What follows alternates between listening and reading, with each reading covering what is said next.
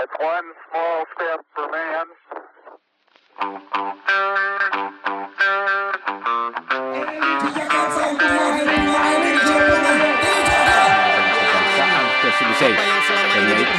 Oh shit.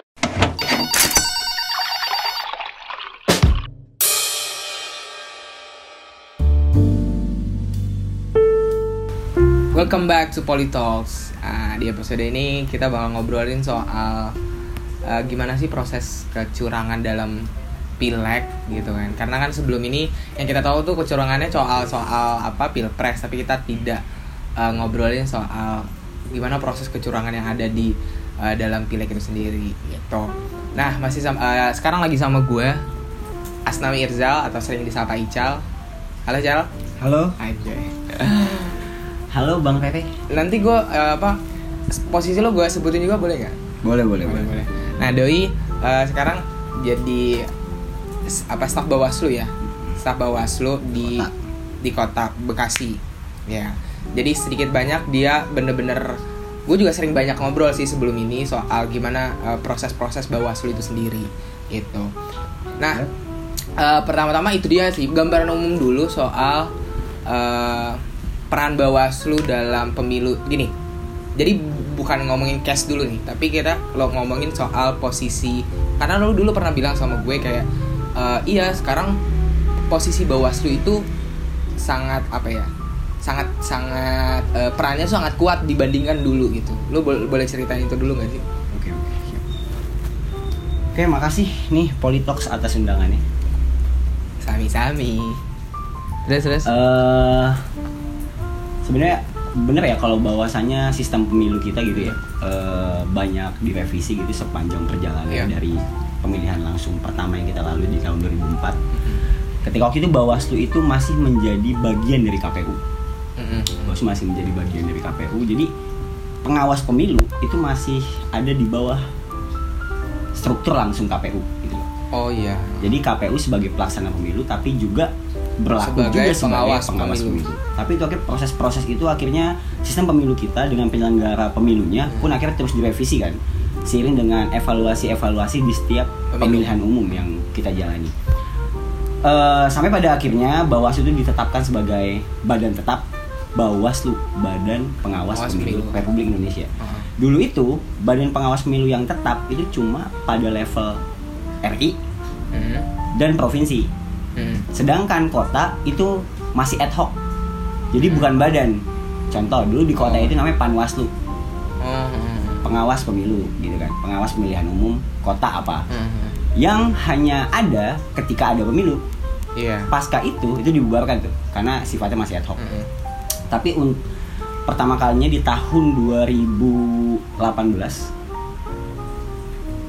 Bawaslu kota eh Panwaslu kota akhirnya diubah dari ad hoc menjadi badan tetap. Dari badan tetap. Namanya jadi Bawaslu. Jadi Bawaslu kota Oh. Bekasi Bawaslu kota, Tangsel Bawaslu kota, Jakarta Utara dan lain-lain. Oh. Nah, di situlah fungsi-fungsi Bawaslu sebenarnya sudah mulai diperkuat Iya. pasca evaluasi dari pemilu. Kak, gue juga banyak ya, banyak apa banyak dengar seminar atau diskusi-diskusi dengan banyak pemantau pemilu yang sering diundang ke Bawaslu kota. Eh, pasca pemilu tahun 2014 itu terjadi distrust publik terhadap penyelenggara pemilu Mm. yang hari itu fungsinya masih kuat dipegang oleh KPU sebagai komisi Iya. pemilihan umum. Ini urgensi kenapa akhirnya Fungsi Bawaslu harus di Bawah, fungsi Dibedakan Bawaslu. gitu. Iya, Bawaslu harus dibedakan. Nah, sampai pada akhirnya distrust publik itu membuat banyak fungsi-fungsi atau hak-hak imun kuat KPU Mm-mm. yang dicabut dan dipindah ke Bawaslu. Jadi Mm. Bawaslu diperkuat. Mm-mm. Jadi pasca distrust publik itu merugikan KPU karena fungsinya banyak di banyak turunkan, digugurkan. ah. banyak digugurkan dan dinaikkanlah fungsi Bawaslu, Bawaslu. sebagai badan pengawas pemilihan umum. Mm. Bahkan di pemilu tahun 2019 ini untuk pertama kalinya Bawaslu itu masuk sampai ke tataran TPS. Untuk itu jadi masyarakat tuh harus tahu tahun ini tuh ada namanya PTPS tuh, Mm-mm. pengawas Pengawas TPS. TPS. Ya, jadi dulu di Baw- Bawaslu itu hanya ada di luar TPS tuh dan nggak punya banyak wewenang untuk masuk dan mengin Mengintervensi. dia mengintervensi jalannya pemilu ketika sudah tidak sesuai dengan prosedurnya. Iya. Tapi sekarang enggak. Di setiap TPS se-Indonesia itu wajib ada PTPS. Yang eh, tahun ini tuh eh, lengkap mereka semua di apa dikasih eh, bimtek bimtek mereka dikasih buku panduan Iya. yang apa yang tujuan utamanya adalah agar proses pemilu ini berjalan sesuai dengan aturan yang Iya. sesuai dengan asas berjudul gitu lah. Jadi eh, di pemilu 2019 ini yang sebenarnya juga pemilu langsung pertama yang kita lakukan serentak lah ya legislatif dan eksekutif dipilih langsung memang banyak kesalahan banyak kurang lebih ya yang terjadi di proses penyelenggaraan pemilu ini tapi usaha-usaha dari Bawaslu untuk menyajikan kepada publik bahwasanya pemilu ini berjalan dengan lu itu Iya. sudah cukup maksimal Iya. Eh, Oke, selain selain kayak urgensi bahwa ada distrust terhadap KPU itu sendiri, tapi kan kayak ada fungsi yang memang ingin dimainkan.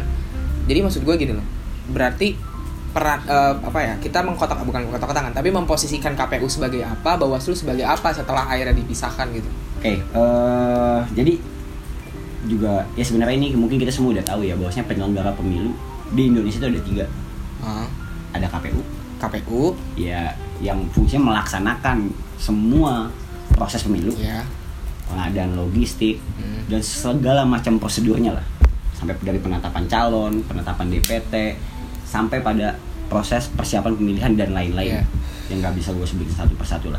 Yang kedua ada Bawaslu, Hmm. pengawas gitu. Ah. Jadi ketika KPU dibilang sebagai pelaksana, Penyelenggara, pelaksana, eh, pelaksana berarti. Iya, Kalau penyelenggara pelaksana. termasuk Bawaslu juga. Oke, Iya, oke. pelaksana dan Bawaslu dibilang sebagai pengawas. Apa sih yang diawasi Bawaslu? Ah. Ya seluruh proses tahapan pemilu yang dilakukan oleh, Oleh KPU. KPU sebagai pelaksana, Iya, iya. gitu kan. Dan peserta pemilunya itu sendiri, Hmm. ya partai politik untuk pemilihan legislatif, gabungan partai politik atau Untuk perorangan pilpres. untuk pilpres dan personal untuk DPD. DPD.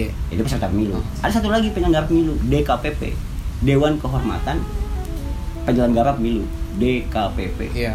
Yang fungsinya menindak KPU dan Bawaslu yang melanggar kode etik pemilu. Oke. Jadi semuanya tuh nggak ada yang punya imunitas, semua bisa saling check and balance. check and balance ya. Iya. Kayak ya fungsinya kayak eksekutif legislatif check and balance kalau ada mentok ada di MK gitu kan. Ada di Ini juga kayak gitu berarti. Yep. Eh Yang di, di DKPP itu ada satu unsur Bawaslu dan ada satu unsur dari KPU. Oh oh gitu. Oh iya. Mhm. Terus apa namanya? Maksud gue sebenarnya ini menjadi jawaban sih karena kalau mis sebelum-sebelumnya ini kan kemarin kan demo di Bawaslu kan. Mhm. Maksud gue sebelum-sebelumnya emang dulu kan demonya nggak di Bawaslu gitu loh. Oke. Kenapa nggak di KPU gitu kan?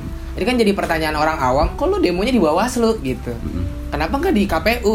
Nah gitu tuh itu gimana sih? Berarti kan ini kan yang lo bilang tadi ini memang perannya perannya dia lagi apa dikuatkan dan segala macam. Akhirnya orang berbondong-bondong ke Bawaslu. Mhm. Jadi apa sebenarnya yang dituntut dari Bawaslu bukan bukan KPU-nya orang demonya tuh bukan KPU tapi di Bawaslu gitu. Oh, Oke.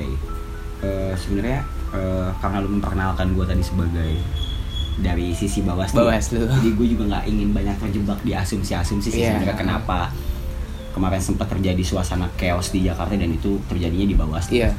Eh ya sebenarnya kalau gue menganggap bahwa ya terlepas daripada panasnya isu polarisasi ya. Iya, demokrasi tidak dibarengi dengan kebijaksanaan dalam menerima hasil ya gerakan masyarakat yang chaos chaotic huru hara terjadi di sepanjang pasca penetapan pasca 17 Ah. April tersebut tersebut.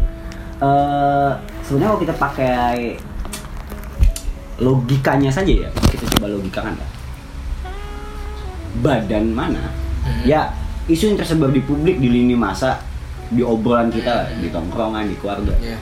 yang dituntut itu KPU jadi semua bilang KPU itu salah Iya. itu kan KPU itu salah KPU itu salah dan ya, itu kan isu yang disebarkan lah Ah. untuk ya oleh peserta pemilu yang mungkin kalah Iya, atau tidak menerima hasil lah Eh, padahal mereka itu diberikan juga kan Ad- jadi peserta pemilu itu diberikan hak untuk menggugat hasil pemilihan umum yang ditetapkan oleh KPU melalui proses apa? PHPU Hmm, perselisihan hasil PHPU. pemilihan umum jadi semua diajukan ke MK Iya. untuk pileg dan untuk pilpres Ah. gitu loh. Nah, kenapa sih kemarin itu sempat ramai-ramai di Bawaslu? Ya sebenarnya sederhana gini aja. Bagi ya itu kan kubu kubu 02 ya kita sebut aja gitu ya. Kubu 02 menganggap KPU itu banyak melanggar prosedur-prosedur pemilu. Badan mana? Siapa yang yang, berhak? bertanggung jawab ah, ah. siapa yang berhak bilang KPU benar salah? Oh iya benar. Siapa? Bawaslu. Itu yang dituntut. Sebenarnya Iya. hanya itu. Iya sebenarnya cuma itu. Tapi misalnya pada akhirnya apakah Bawaslu itu banyak juga menindak pelanggaran administrasi yang dilakukan oleh KPU banyak sebenarnya iya. ya gue nggak terlalu memahami berapa tapi banyak jumlahnya gitu loh di kantor gua aja itu kita udah dua kali lah dua kali itu menindak pelanggaran administrasi lewat sidang Mm. lewat lewat sidang apa sudah sidang pelanggaran administrasi cepat kita kita ikut mengawasi KPU gitu loh tapi Iya. kan pasca pilpres itu kita Ya itu oke lah, dituntut- itu opini. Iya, itu opini lah, gua nggak mau terjebak di Iya, terjebak di opini publik. Ah, akhirnya kayak kita pengen tahu juga sih, maksudnya contoh-contoh kasus pelanggaran administrasi yang ditindak oleh Bawaslu ke KPU itu bentuknya kayak apa aja gitu kan. Sesimpel contoh-contohnya itu apa aja gitu. Eh, jadi eh, gini loh pelanggaran itu jadi Bawaslu punya tiga fungsi nih Rek. Oke. semoga gue nggak salah jadi ada fungsi pencegahan penindakan dan pengawasan Oke. jadi fungsi Bawaslu bukan cuma pengawas pemilu. Pencegahan, penindakan, dan pengawasan. Jadi itu fungsi yang bagi gue cukup kuat lah Tapi Bawaslu- KPU cuman eh, fungsinya apa? Penyelenggara dia menyelenggarakan pelaks- pelaksana. pelaksana pemilihan Oke. Terus banyak fungsi KPU capek juga sebenarnya Iya. nggak yang cuma pelaksana Cuma Itu pelaksana Ya, itu kan pelaksana tinggal ngelaksanain. ya. iya tapi itu kan dari dari lu harus uh, pemutakhiran DPP Iya. DPT. DPT itu sampai tiga kali kan kemarin Hmm. sampai DPTB DPTHP Iya. satu dua tiga gitu jadi fungsi KPU kerja KPU juga banyak banget Banyak gitu. juga banyak juga Eh, dan pelanggaran itu ada dua tipenya pertama pelanggaran administrasi dan pelanggaran pidana pemilu Ya. Nah, pelanggaran administrasi pemilu itu adalah ketika KPU, ketika KPU atau peserta pemilu itu melanggar prosedur pemilihan, eh prosedur pemilihan umum. Jadi pelanggaran atas semua prosedur pemilu, tata cara pemilu itu disebut, disebut dengan pelanggaran administrasi pemilu. Pelanggaran pidana itu pelanggaran administrasi itu adalah hak KPU, eh hak Bawaslu untuk menindak menindak Ya jadi berhak melakukan menindak, menindak siapa pun yang dilaporkan. Oke. Nah, Nah. contohnya Ya contohnya Ji, eh contohnya itu misalnya proses eh, distribusi logistik itu harus dijalani dengan A, B, C, D. Heeh. Nah jika KPU tidak melang, tidak melaksanakan prosedur sesuai yang ditulis Mhm. gitu di PKPU, Mhm. ya itu pelanggaran Pelanggaran- pelanggaran, pelanggaran administrasi. pelanggaran administrasi. sesimpel kalau misalnya kotak suaranya apa tapi tidak dilaksanakan juga itu termasuk administrasi. Administrasi pemilu. Ya, misalnya nggak ditutup atau apa itu Ya, juga itu pelanggaran administrasi pemilu. administrasi. Iya kayak satu di kemarin ada pelanggaran administrasi pemilu di kantor yang beneran diputuskan kan. Itu KPU Kota Bekasi itu pas mendistribusikan kertas suara Hmm. pakai bak terbuka itu nggak di apa nggak ditutup gitu pakai terpal atas. Hmm. Padahal prosedurnya itu harus dilakukan. Iya iya iya iya itu tuh tuh, sempat tuh. Ya akhirnya sempat ramai akhirnya Ah. masyarakat kan sempat viral juga. Akhirnya masyarakat tuh ngikutin apa ngikutin truk itu tuh itu surat suara mau dibawa ke mana Iya. gitu loh dan akhirnya di- kita karena itu pelanggaran Pelanggaran administrasi, administrasi. Iya, Dan itu diputuskan di Bawaslu. di bawah situ. Oke. Kalau Oke pelanggaran lah. pidana, ya itu diputuskan eh, ada ada namanya sentra gakumdu, Hmm. sentra penegakan hukum terpadu. Ya itu ada tiga Unsur. ya tiga unsur di sana ada bawaslu, ada kejaksaan, dan ada kepolisian. Bentuk pidananya kayak gimana? Ya pelanggaran politik uang. Oh politik uang termasuk Iya. pidana berarti. Eh, pembagian uang saat kampanye. Ya, itu kan semua sebenarnya kan semua bahan yang boleh dibagikan kampanye semua semua diatur lu nggak boleh bagi-bagi uang lu nggak boleh bagi-bagi hadiah senilai berapa Iya. lu nggak boleh bawa anak kecil Ah. lu, ya gitu itu Ci. Misalnya nih gue caleg dan gue ngelihat bahwa ini eh, apa tanda tangan saksinya tuh ta- tanda tangan bohongan gitu. Nah berarti gue harus ngelapor ke siapa?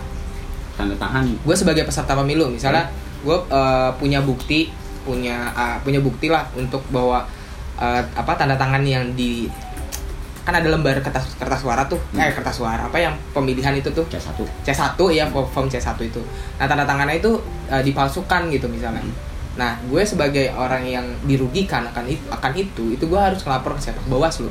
itu eh, bisa ya bisa lu laporin ke Bawaslu karena itu menjadi salah satu pidana. Siapa yang masukin menurut dugaan? KPU memasukkan Ah, berarti gue harus juga clear dulu siapa yang lo termohonnya. Maksudnya Ya, iya. siapa yang lo menuntut Ya, gitu kan? ya iya. Hmm. Jadi salah alamat ketika misalnya lo ngelaporin apa namanya berkas itu ke polisi kan kan pernah Bisa ada kan? juga saja. Pernah bisa Ya, juga. Karena itu kan pemalsuan tanda tangan. Iya pemalsuan tanda tangan Ya, gitu ini pidana. kan. Itu kan pidana Iya. jatuhnya. Nah. Nah, tapi seharusnya gue melapor ke Bawaslu atau atau gimana? Hmm, bisa dua-duanya. Bisa lewat jalur uh, kepolisian juga. Bisa nggak langsung tapi ke tidak kepolisian bisa. berurusan dengan hasil suara kalau misalnya Tidak ke berurusan sama ke polisi. Ya urusannya cuma suara. Ya orang yang memasukkan itu bisa ditangkap polisi. tangkap polisi tapi tidak mengunggah mengubah hasil suara. Jika memang eh, aduan lu Hmm. permohonannya cuma pemalsuan tanda tangan, lu Hmm. nggak menggugat apa pas Hmm. pas lain itu kan, ya ditangkap. Eh, Gitu. Nah, pada akhirnya nih kayak gimana ya? Eh caleg-caleg ini kan banyak gue kayak misalnya Valdo juga Valdo juga sering lah ngomong di YouTube-nya bahwa ya memang proses kecurangan itu masif bro gitu kan dan itu terjadi di tingkat bawah yang mana kita sebagai awam tuh nggak tahu gitu emang gimana proses dia bisa curang tuh gimana celah-celahnya gitu. Oke. Oh, iya ya. Jadi eh terkadang jadi sulit menggugurkan bahwa pemilu ini tuh nggak berlangsung dengan itu berjurjur. Iya itu susah. iya. Terkadang susah menggugurkan Iya. dalil-dalil itu ya. Eh ya sebenarnya fungsi-fungsi dari Bawaslu sih yang karena terlepas daripada fungsi penindakan dan fungsi eh, pengawasan jadi berhasilnya Bawaslu itu nggak cuma ditentukan dari berapa hal yang berhasil ditindak gitu. Hmm. Orang yang berhasil ditindak Bawaslu itu juga nggak jadi salah satu tolak ukur keberhasilan. Iya. Karena fungsi ya. pencegahan. Ah, Ya pencegahan itu harus dilakukan agar masyarakat tuh terdidik gitu loh. Agar masyarakat terdidik untuk berbuat jujur selama penyelenggaraan demokrasi. Nah itu Iya, juga pencegahan. itu itu juga jadi salah satu masalah di demokrasi kita ya ya. Jadi terlepas daripada segala macam fungsi yang sudah dilakukan semaksimal mungkin oleh penyelenggara pemilu, publik kita itu masih tidak terdidik untuk harus berlaku jujur, untuk harus berlaku adil, untuk harus berlaku kita harus terbuka dan lain-lain sesuai dengan prosedur yang disahkan dan ditetapkan oleh undang-undang dan PKPU plus perbawaslunya. Sampai pada masyarakat itu masih permisif sama pelanggaran pemilu. Apa sih pemilu bagi mereka? Pemilu adalah caleg datang ke daerah kami dan bagi-bagi uang. hmm.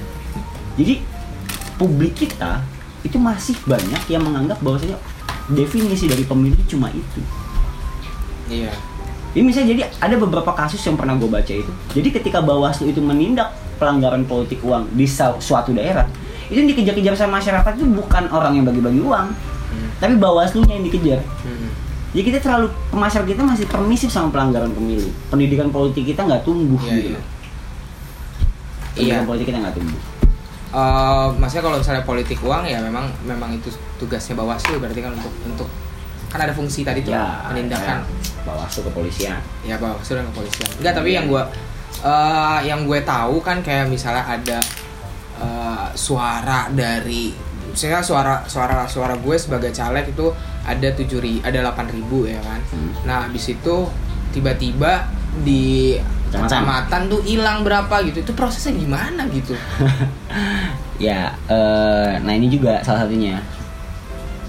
Ada selain dari pelanggaran pidana, pelanggaran administrasi yang bisa ditindak, Hmm, ditindak oleh Bawaslu, kita bisa tindak lah ya kan. PHPU soal perselisihan hasil suara lu. Ini gini loh, jika lu nih sebagai caleg atau lu sebagai peserta pemilu lah, Hmm, itu ingin menggugat hasil yang ditetapkan oleh KPU, iya. Itu nggak ke Bawaslu. Enggak maksud gue gini loh. Gue di mm, Misalnya C1 C1 Gue punya data C1 nih Hmm. ya kan? Gue punya data C1 di, di semua di semua apa TPS TPS yang gue calekin di situ dapil gue lah Hmm. ya kan? Nah gue udah hitung nih misalnya gue gue ada 8000 nah abis itu di kecamatan Soal lu hilang. suara gue hilang. C1 nya tidak berlaku maksudnya perhitungan di kecamatan malah nggak segitu gitu loh. Kok bisa dari hasil yang di TPS sekian, pas sudah di kecamatan tuh nggak sekian gitu loh. Oke.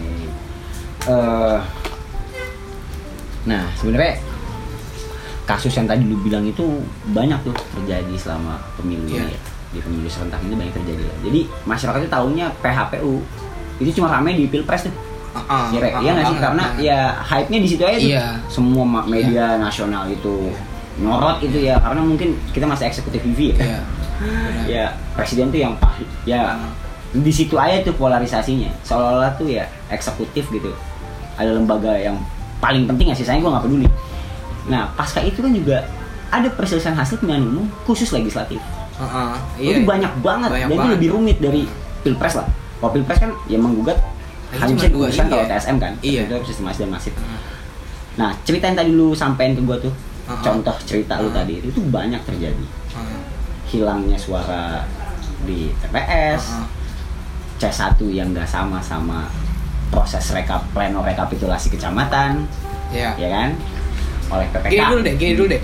Eh, berarti ceritain dulu deh. Maksudnya proses dari perhitungan suara dari TP. Pertama TPS. Mhm. Habis itu ke ke, kecamatan ke kelurahan apa kelurahan. Oh sorry ke kecamatan langsung Langsung ke kecamatan Langsung sekarang. nggak melalui, nggak melalui kelurahan Oke, dari TPS ke kecamatan. Hmm. Ya kan C1 C1 dikumpulin, dihitung lagi di kecamatan. Gitu. kotak suara Oke, kotak dan suara. suaranya Heeh. C1 planonya yang Uh-uh. gede tuh Iya, C1 yang gede. Iya. itu semua ditaruh di dalam kotak Hmm. ditaruh di kecamatan Taruh di kecamatan. iya Habis itu habis itu ya proses rekapitulasi kecamatan di apa yang dihitung tuh C1-nya atau bukannya di, dihitung semua? ini Apa dari, gua? dari C1 plano Ah. C1 plano di dibuka. Nah, saksi partai itu kan boleh wajib datang gitu kan. Heeh. Ya lu harus datang saksi partai. Ya ada haknya lu harus datang untuk memastikan apakah suara lu Ya, yang dari- dari C1 yang salinan C1 yang dipegang saksi Iya. yang diberikan di TPS itu sama nggak sih Ya sama yang dihitungan di kecamatan. dengan hitungan kecamatan. Nah, tapi salahnya lagi adalah hari ini nggak banyak partai Nah, yang mengirimkan saksinya. Heeh. Gitu. Ah. Nggak banyak partai yang mengirimkan saksinya. Jadi terkadang apa eh, hilang-hilangnya suara yang terjadi itu nggak semata-mata juga karena memang KPU kecamatan PPK ya PPK itu menghilangkan suara anda menghilangkan suara peserta pemilu tapi memang banyak kesalahan prosedur yang terjadi Hmm. contohnya di C1 yang lu pegang itu Hmm. suara caleg itu dimasukkan juga ke suara partai nah itu banyak tuh kemarin yang gua urus tuh di PHP Iya. Golkar di Kota Bekasi PHP Gol P3 di Kota Bekasi. Jadi banyak C1 yang eh, petugas TPS-nya KPPS itu salah dalam penulisannya. Dan banyak direvisi lah. Di? Di kecamatan.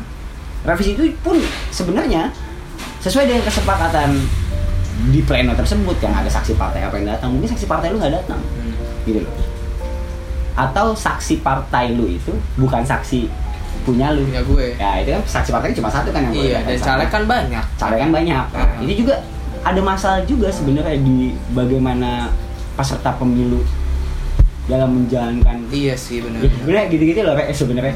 Nah.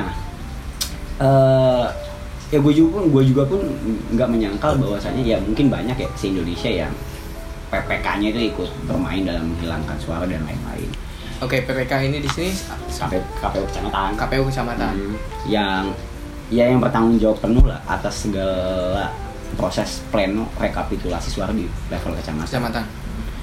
Nah, hmm, nah banyak tuh akhirnya peserta pemilu peserta pemilu yang mengajukan akhirnya meng- apa memberikan permohonan ke MK lah Hmm. ke PRT bahwasanya suara gue hilang di sini nih. Ya kita bukti disertakan tuh. Ini C1 kita. Iya. Ini DAA 1. Lu tuh DAA 1 Apa tuh? Salinan apa gimana? Iya itu hasil level kelurahan. Jadi hasil Oh, iya, seluruh iya. pemilu di kelurahan Di itu. kelurahan nah, itu. di form itu form eh, rekapitulasi ha- hasil pemilihan umum di kelurahan disebut nama formnya DA 1. Iya. Kecamatan DA 1. Sebenarnya agak rumit, Re. Iya, Sebenarnya kan sumpah, C1 masyarakat banyak yang nggak ngerti sebenarnya Iya, iya, ginian. sama. Berarti TPS itu namanya C1, di Kelurahan. itu namanya DAA 1. DAA 1 di kecamatan? DA 1. ya, DA 1 yang mana hasil keputusan itu ada di? DA 1 itu kecamatan tuh. Nah, Kecamatan. banyak yang di yang banyak digugat itu hasil DA 1. kecamatan dong? Di kecamatan Hmm. gitu. Di kota DB oh ada lagi ya? Ada rumit oh kacau. Jadi emang rumit sebenarnya. DB 1 kita udah harus mulai-mulai memikirkan e-voting kayaknya. Iya men, maksud gua Oh berarti gitu, maksud gua gua akhirnya jadi jadi paham kenapa akhirnya suara suara gue sebagai caleg itu bisa bisa hilang hilang karena ya gua kan ad- ya saksi itu kan saksi partai pertama bukan saksi gue sebagai caleg Mungkin. secara individu kan mungkin ya kan mungkin. jadi nggak nggak ada yang ngawal gue sampai Yep. ya kan itu kan karena saksi partai Mm-mm. belum tentu juga pak saksi partainya juga capable juga nggak tahu juga Mm-mm. ya kan mungkin aja saksi partai yang lain lebih ngotot dan segala macem ya kan Mm-mm. ada juga yang nggak datang juga gitu kan banyak. Iya jadi akhirnya gitu kan? Iya. Ya jadi kayak gitu. Jadi hasil yang di TPS itu tidak sesuai dengan yang ada di kecamatan. Iya maksud gue sesimpel kok gi- bisa gitu gitu ya tapi dari proses-proses yang sebenarnya banyak. Peserta pemilu ya aduh banyak kurang di gua. Ya nggak sih? Hmm, terus penyelenggara pemilu pun oke kita keliru di sini. Hmm. KPU Bawaslu pun oke gua kurangnya di sini. Tapi tetap pemilu ini demokrasi kita memberikan hak kepada peserta pemilu untuk menggugat itu loh kayak iya jadi iya. nggak ada hak yang dihilangkan lu tetap boleh berhak walaupun dengan semua atas kurang lu saksi partai lu nggak ada C1 lu nggak lengkap tapi tetap lu diperbolehkan oleh undang-undang itu untuk menggugat hasil pemilihan umum itu ke MK ke MK iya ya gitulah nah di MK itu nah sebenarnya Jadi sih. misalnya gue merasa Hmm. gue sebagai caleg anjing gue udah suara, suara gue dihilangin nih gitu kan. Suara gue dihilangin. Dan gue punya punya hak untuk menggugat ke MK Hmm. dengan dengan syarat apa? Maksud gue apakah C1 gue harus lengkap atau apa gitu? Atau gue harus punya saksi? Ya gitu loh. Jadi eh, itu peluru yang gue peluru yang gue siapin untuk eh, gue sebagai sebagai peserta untuk membuktikan kalau ini salah itu ya bukti dan saksi. Bukti dan saksi C1 itu sendiri. Ya, iyalah ya lu lu pengen ya lu kan pemohon nih. Heeh. gue pengen menggugat DA1 KPU. nih. Ya ini gua tau pasti KPU dong. Lu Iya. pemohon pemohon ada peserta pemilu termohonnya adalah KPU KPU ya lu ingin menggugat dengan bilang bahwasanya dia salah loh iya. Contoh gue memposisikan diri lu sebagai peserta pemilu iya ya. gue iya memposisikan KPU gitu. salah. Suara gue hilang. Gimana cara lu membuktikan suara lu hilang? Iya. Ya, lu harus punya C1 C1 iya lu harus punya DA1 lu harus punya DA1 Oke. dan lu harus punya saksi. Iya. Ya kalau lu nggak punya itu semua ya Permohonan ya, mungkin ditolak iya. sama MK. Iya iya, iya gue paham gue paham. Paham ya. Tapi uh, akhirnya orang yang banyak banyak terhambat untuk membuktikan itu karena dia tidak punya C1. Iya. Kenapa dia tidak punya C1? Nah itu dia. Kenapa akhirnya nggak punya C1? Berarti dia nggak punya saksi partai. Oh gitu. Berarti dia nggak punya saksi. Kalau dia nggak punya C1 berarti dia nggak punya saksi. Iya benar sih. Iya iya iya iya iya iya iya. Ya ya iya. Dia nggak punya. Ya, jadi intinya lu nggak bisa membuktikan apa-apa lah. Eh, ya banyak banget re gitu. Ya ya kita nggak bisa juga bilang bahwasanya semua caleg yang mengeluh suara gua hilang itu benar dihilangkan. Eh. kalau dia nggak bisa membuktikan, Membuktikan, itu ya kalau kan? bisa di- dibuktikan ya silahkan adukan ke MK iya. Simpel nggak sih Iya. sebenarnya tapi lagi-lagi gue nggak punya C1 banyak gue nggak punya C1 lengkap. C1 yang lengkap gitu. Iya, KPU punya C1 lengkap. KPU punya dong Ya ini didudukan tuh. Kalau lu juga sama-sama punya. iya Kayak gitu. tapi yang jadi soal gue sebagai peserta nggak bisa melampirkan C1 itu Nah, dan fungsi Bawaslu itu apa di PHPU itu? Terlepas daripada peserta pemilu, Pemilu. itu sebagai pemohon dan KPU sebagai pemohon, Bawaslu punya fungsi kuat. Karena berdasarkan dengan Perbawaslu nomor 22 tuh tahun 2018, Bawaslu tuh memberikan keterangan tertulis di setiap gugatan hasil perselisihan hasil pemilihan umum. Apa sih keterangan tertulis? Yaitu semua hasil pengawasan Bawaslu. Contoh lu menggugat nih Mhm. di kecamatan B itu terjadi oh, pembukaan kotak Hmm. karena C1 yang dimiliki saksi partai tidak sama dengan C1 plano. Aja sering tuh. iya Nah, Bawaslu harus ngasih ke form A pengawasannya. Hmm. Walaupun gua nggak bilang Bawaslu itu nggak benar, benar benar peserta pemilu atau benar, Benar KPU. KPU. Tapi form A Form pengawasan itu. modelnya begini, bunyinya begini, bahwa hari itu terjadi pembukaan kotak karena kalau nggak ada ya dibilang nggak ada gitu loh. oke oke oke. Dan itu yang menjadi apa ya kunci. Kemarin lah kalau kita ngikuti sidang Hmm. pilpres itu kan di ribu berapa sekitar seribuan sekian lembar lah. Hmm. itu wah, keputusan yang dibacakan MK hampir setiap lembarnya itu ada kata Bawaslu.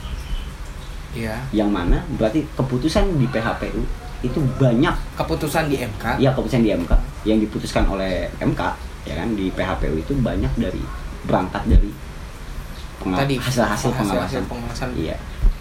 Jadi memang hasil pengawasan-pengawasan yang Bawaslu catatan-catatan kecil, laporan hasil pengawasan, form A yang Bawaslu tulis catat selama penyelenggaraan pemilu itu menurut gue itu bekal banget yang bakal kita pakai buat menjalani demokrasi di masa depan gitu. nggak gini gini gini gini.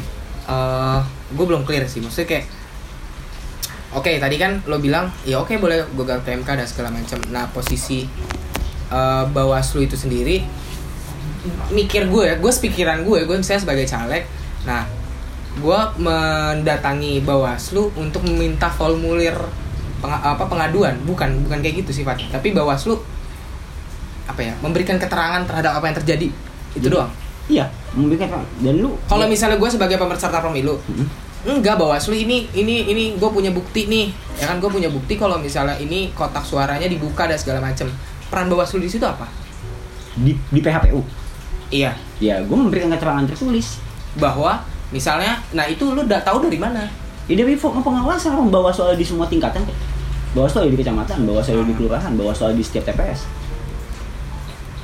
Oh, di titik apa Bawaslu nggak bisa Iya, kasih berarti- keterangan iya. soal berarti keterangan pengawasannya keterangan lo adalah keterangan keterangan Bawaslu adalah keterangan Bawaslu. ya iya keterangan Bawaslu keterangan Bawaslu Oh iya iya. Emang kita badan tetap kok Meskipun gue meskipun gue ngerasa ada di situ ada curang, Bawaslu bilang tidak terjadi apa-apa, iya Bawaslu gitu kan? Mm-mm.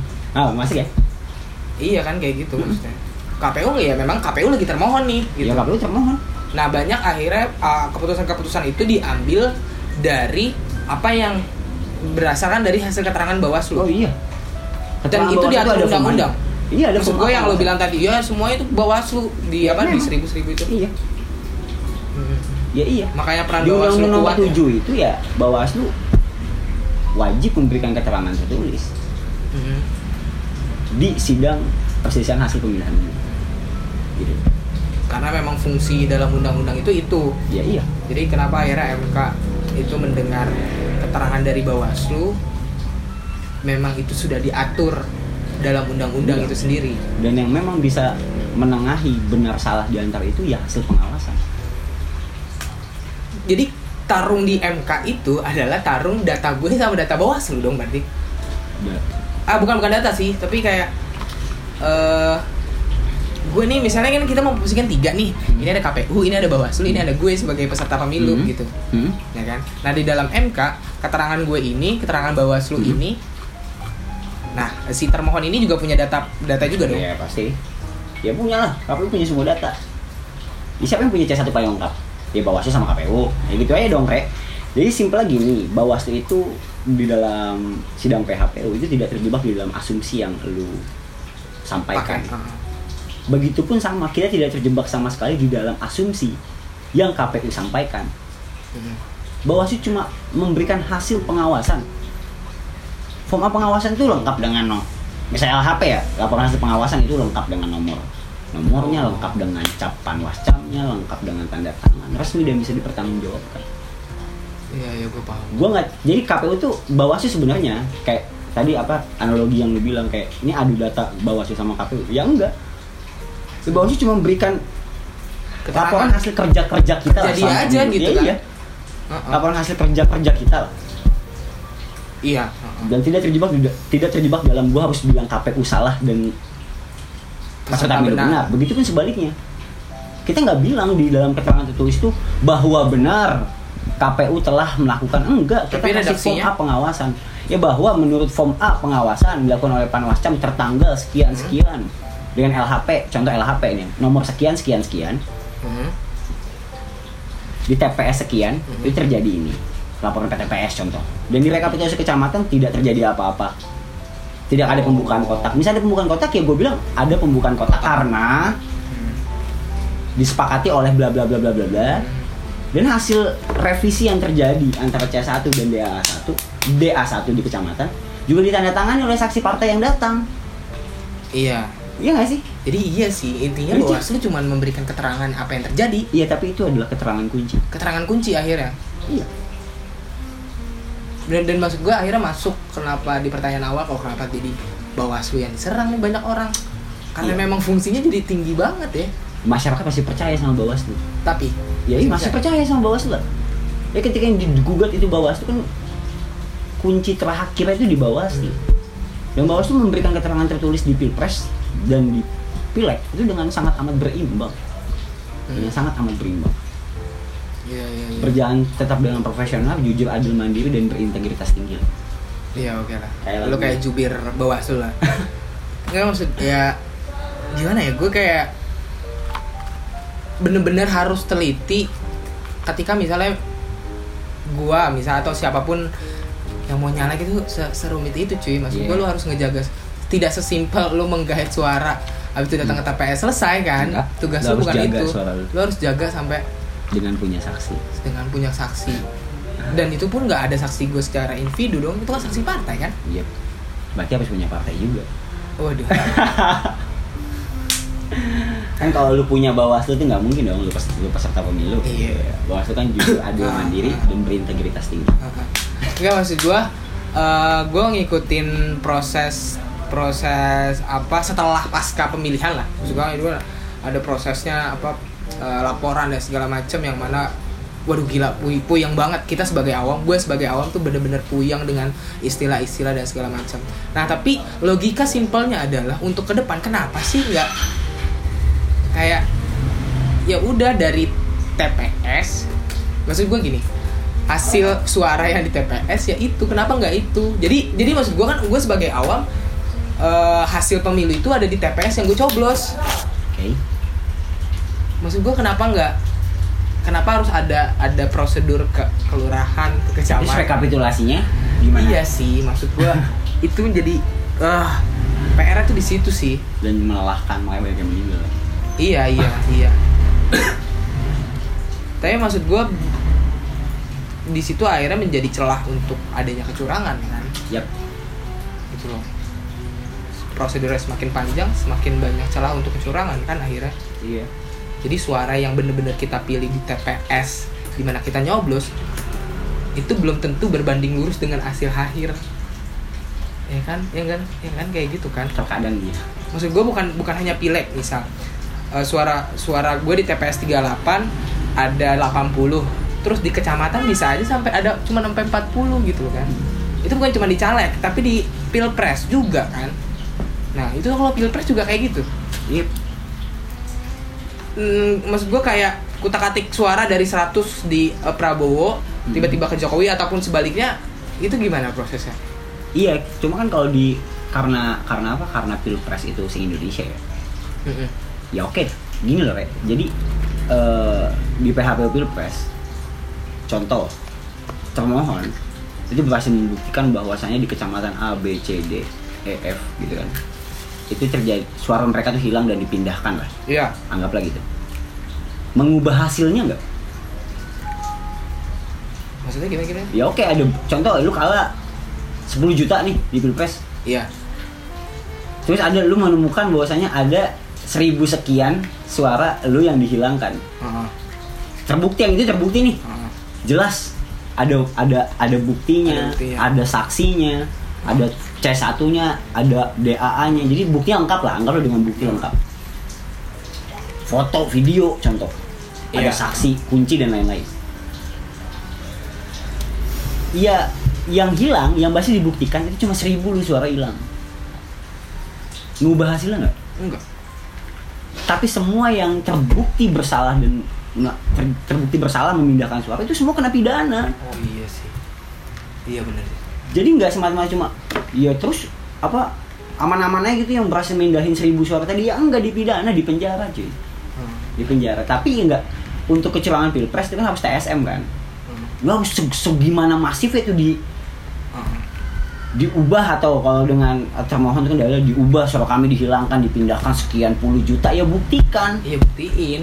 Iya. kalau berhasil dibuktikan iya dimenangkan simpelnya kayak gitu ya kalau dalam logika hukumnya ya ya berarti tidak berhasil dibuktikan Iya, pilpres kemarin tidak berhasil dibuktikan. Nah, iya, da- jadi gini, apa sebenarnya eh, informasi untuk publik ya, informasi untuk masyarakatnya. Fungsi pengawasan pemilu memang ada di Bawaslu. Dengan personil yang terbatas gitu loh. Dengan personil yang terbatas. Oke. Makanya Bawaslu selalu apa ya selalu optimis bahwasanya berkelakar lah dalam se- semua nyanyian nyanyian gitu dalam mas bawaslu bahwasanya bersama rakyat kita tuh awasi pemilu gitu loh jadi ya masyarakat itu juga punya tanggung jawab sebagai pengawas Iya juga. iyalah. Masyarakat tapi kan gue seperti tadi gue kembali Gini, gini, masyarakat pas- permisif gitu. pas pleno di kecamatan itu ada hak masyarakat untuk hadir juga boleh nggak masyarakat nonton boleh di situ boleh tapi dalam lu nggak boleh masuk lah lu nggak boleh ngomong gitu kan. Tapi lu boleh ngeliat. tapi lo boleh nggak lo Boleh. mengawasi di situ kan Iya, ada mungkin ada pembatasnya ya. Mm-mm, pembatasnya ya Pembatasnya, ya, tapi lu boleh lihat oh, gitu, boleh. gitu gitu gitu ya ya ya ya di kecamatan yang gua gua PJ di kecamatan banyak masyarakat yang datang. iya untuk untuk ngawasin Mm-mm. kan karena kan yuk pucuknya kan ada di kecamatan nih gitu kan Hmm. Iya dan dan dan dan dan maksud gua evaluasi untuk maksud gua gini, ini kan Pak Bawaslu benar-benar baru banget mendapatkan tugas dan fungsi yang sangat berat banget, ya kan. Nah, evaluasi untuk ke depan gitu di di sistem kerja Bawaslu sendiri apa gitu. Iya, sebenarnya bener ya kita lembaga yang belum lama ya, yang tentunya masih banyak Iya, masih banyak penyempurnaan penyempurnaan- penyempurnaan lah di sistem kerja kerja Iya. pengawasan gitu loh. Eh, ya evaluasinya sebenarnya itu eh jadi kalau gua kan di kota nih, jadi memang kualitas dari panwascam panwascam kita itu memang harus dibekali loh. Jadi memang harus orang terbaik yang jadi pengawas kecamatan, kecamatan. dan pengawas kelurahan, panwas kelurahan itu ada juga Hmm. Harus benar orang terbaik karena bagi gue mereka itu yang jadi juru bicara Jadi juru bicara Bawaslu di masyarakat ujung tombak lah front line jadi orang yang habis duluan itu ketika Bawaslu diajar itu panwascam dan panwaslu panwas. kelurahan nah tapi eh, ya mungkin ya se Indonesia itu ya kita memahami lah kualitasnya Kualitas gitu. ya, sumber Kualitas- dayanya. kualitas sumber daya manusia Manusianya kita sebenarnya perapihan perapihan itulah gitu loh karena banyak Berarti maksud gua lo eh, sekaligus pengen ngomong bahwa ya ke depan benar-benar ada proses perekrutmen yang yang bener-bener rekrutmen. Rekrutmen dengan tim sel. Dengan tim sel. Oh gitu. iya. Untuk level Gak panwascam asal ada kan ya, akhirnya. justru kalau gue malah eh, ya untuk membackup eh, pengawasan level kecamatan ya mungkin nantinya bisa jadi bawaslu kecamatan. Iya, ya nggak sih? Iya, iya, itu iya. ya walaupun fung gini loh jadi terkadang tuh fungsi bawaslu orang melihat bahwa ya udah lu tok pada pemilu habis pemilu lu gabut. Ya enggak cuy. Jadi kita punya fungsi sosialisasi pendidikan politik ke masyarakat. Iya. ya semua bawaslu semua bawaslu kota bawaslu provinsi yang nggak ada pilkada ya itu bakal ditekan untuk melakukan sosialisasi ke masyarakat. Iya. gitu loh. Dan kita harus maksimalkan sosialisasi sosialisasi itu nggak nggak jadi seremonial cuma aja kumpul-kumpul makan-makan Hmm. di hotel gitu lah itulah coba Dan ke depan menurut kerja. gue juga karena karena proses dalam pleno di kecamatan itu menjadi penting, Mhm. berarti bukan hanya Bawaslu juga yang ditingkatkan, tapi juga para saksi dari partai itu juga kan dan KPU tentunya dan KPU tentunya. ya jadi Karena yang gue tahu saksi-saksi partai juga pada nggak ngerti gitu kan. Iya. Uh, apa maksud gue bentuk bentuk salahnya di mana ininya salahnya di mana kan nggak nggak paham juga ya kan saksi-saksi partai. itulah yang mana saksi-saksi partai juga ya mereka nggak ada seleksi. Oh panselnya pasti nggak nggak pernah ada karena asal ada aja kan. Gitu dan Iya. akhirnya ya celah ada di situ. Dan bawaslu itu sebenarnya sebelum pemilu itu udah ngumpulin seluruh saksi partai untuk dibekali. Oh iya ya kan berarti ada pembekalan ya, pembekalan dari bawaslu. Heeh, heeh, lu dikasih bukunya cuy. Heeh. Tentang gimana proses Iya. pemilihan, proses Hmm. penghitungan, ini harus apa, Iya. jam segini harus apa, itu dikasih. Tapi berapa banyak partai yang datang? Heeh. Itu gratis loh, cuy. Lu tinggal datang doang. Kita bekali loh saksi partai itu Hmm. dengan bimtek bimtek Hmm, sampai dibikin berapa sesi karena banyak banget dia nggak banyak yang datang. hmm.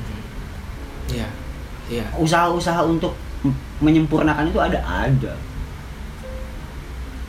iya iya iya iya. dan lo ngelihat eh, kemarin kan banyak banget yang meninggal ya Hmm. wah gila sih menurut gua udah 570 orang ya kira-kira Hmm. ini meninggal nih entah itu ke KPU Bawaslu gitu loh Hmm. itu gimana menurut lo?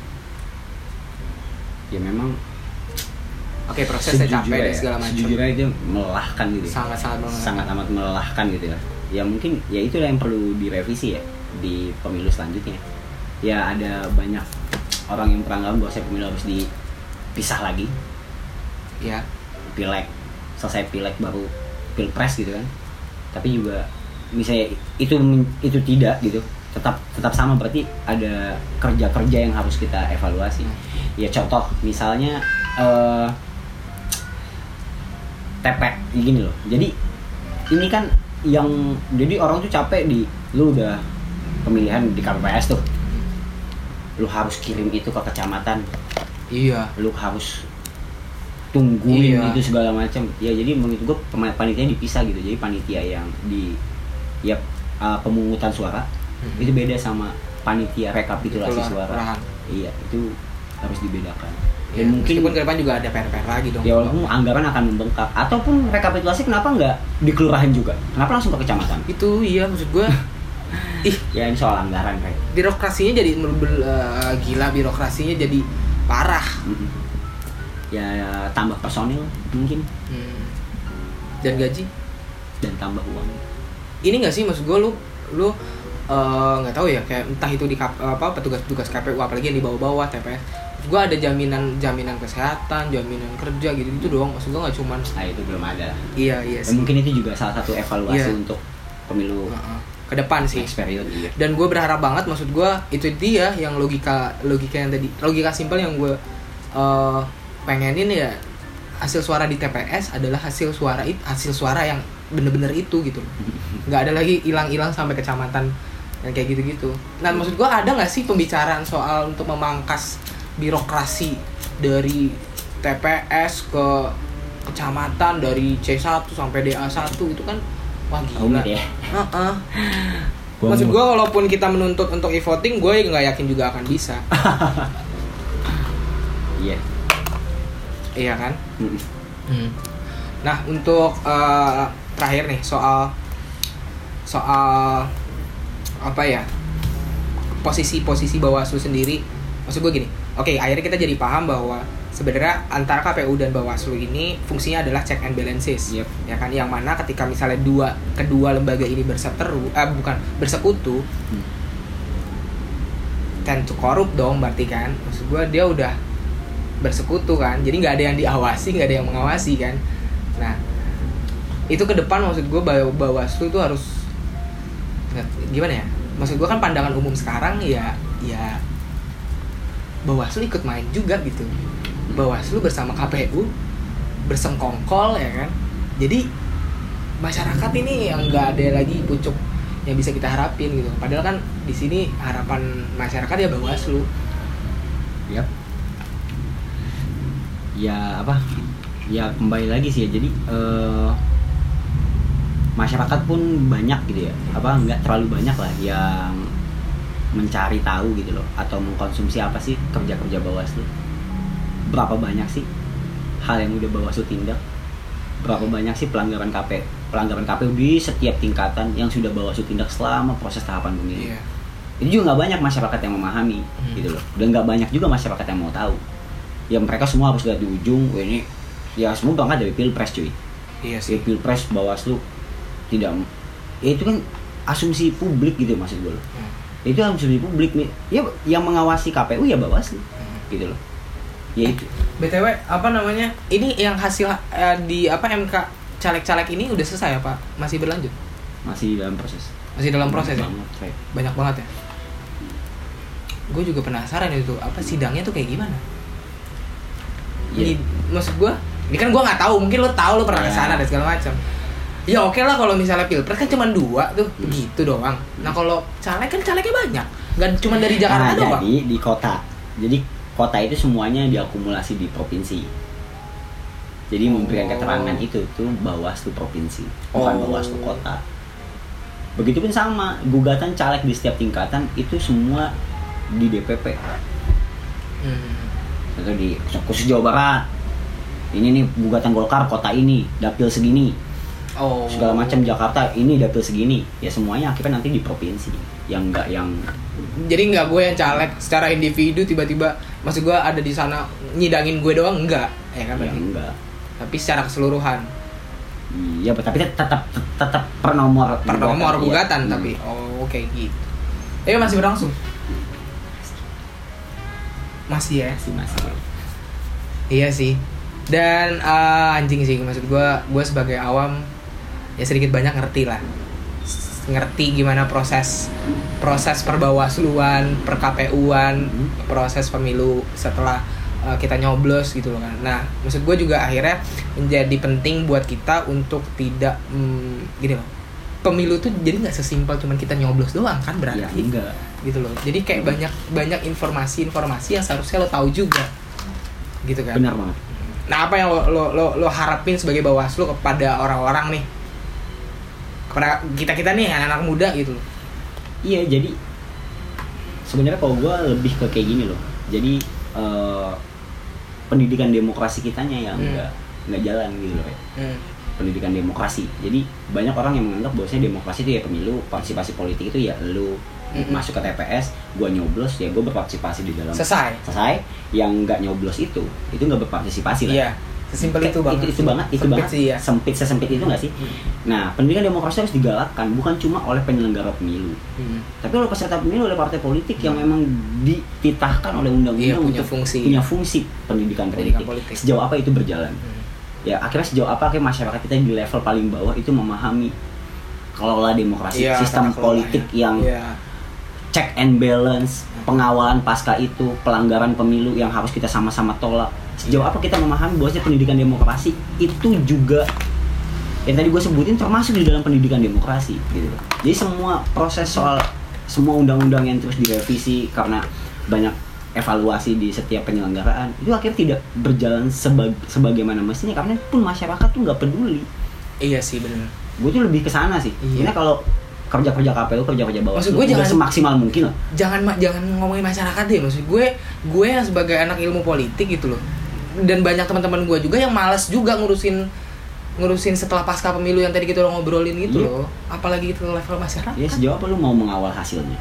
Iya. Ya sejauh apa lu pengen tahu, pengen lihat, pengen tahu undang-undang nomor 7 itu apa? Iya, iya. Sejauh apa lu pengen tahu apa yang salah, apa yang benar, apa yang boleh dan apa yang tidak dilakukan oleh KPPS? Nggak banyak yang tahu. Hmm. Dan mereka tahu nyoblos dan memenangkannya. Ketika kalah, ya berarti gue dicurangin. Tapi se- setahu gue memang eh, apa pendidikan politik yang di- dilakukan oleh eh, ya oke lah gue ngomongin sini KPU. Iya. nggak tahu ya menurut gue kayak cuman sebatas Nggak lu datang ya? nggak lu datang untuk ke TPS sesimpel lu berpartisipasi dalam pemilu itu doang gitu loh oke maksud gue itu tugas pe- KPU dan Bawaslu ada nggak sih tugas sosialisasi pendidikan Woi, berarti lo ngobrolin soal itu dong pendidikan Oh, prosesnya iya. dong Iya. Terlepas apakah itu maksimal tidak maksimal, ya itu Ya, yang mungkin kita Ya, bisa kita harus iya. kita harus evaluasi ulang.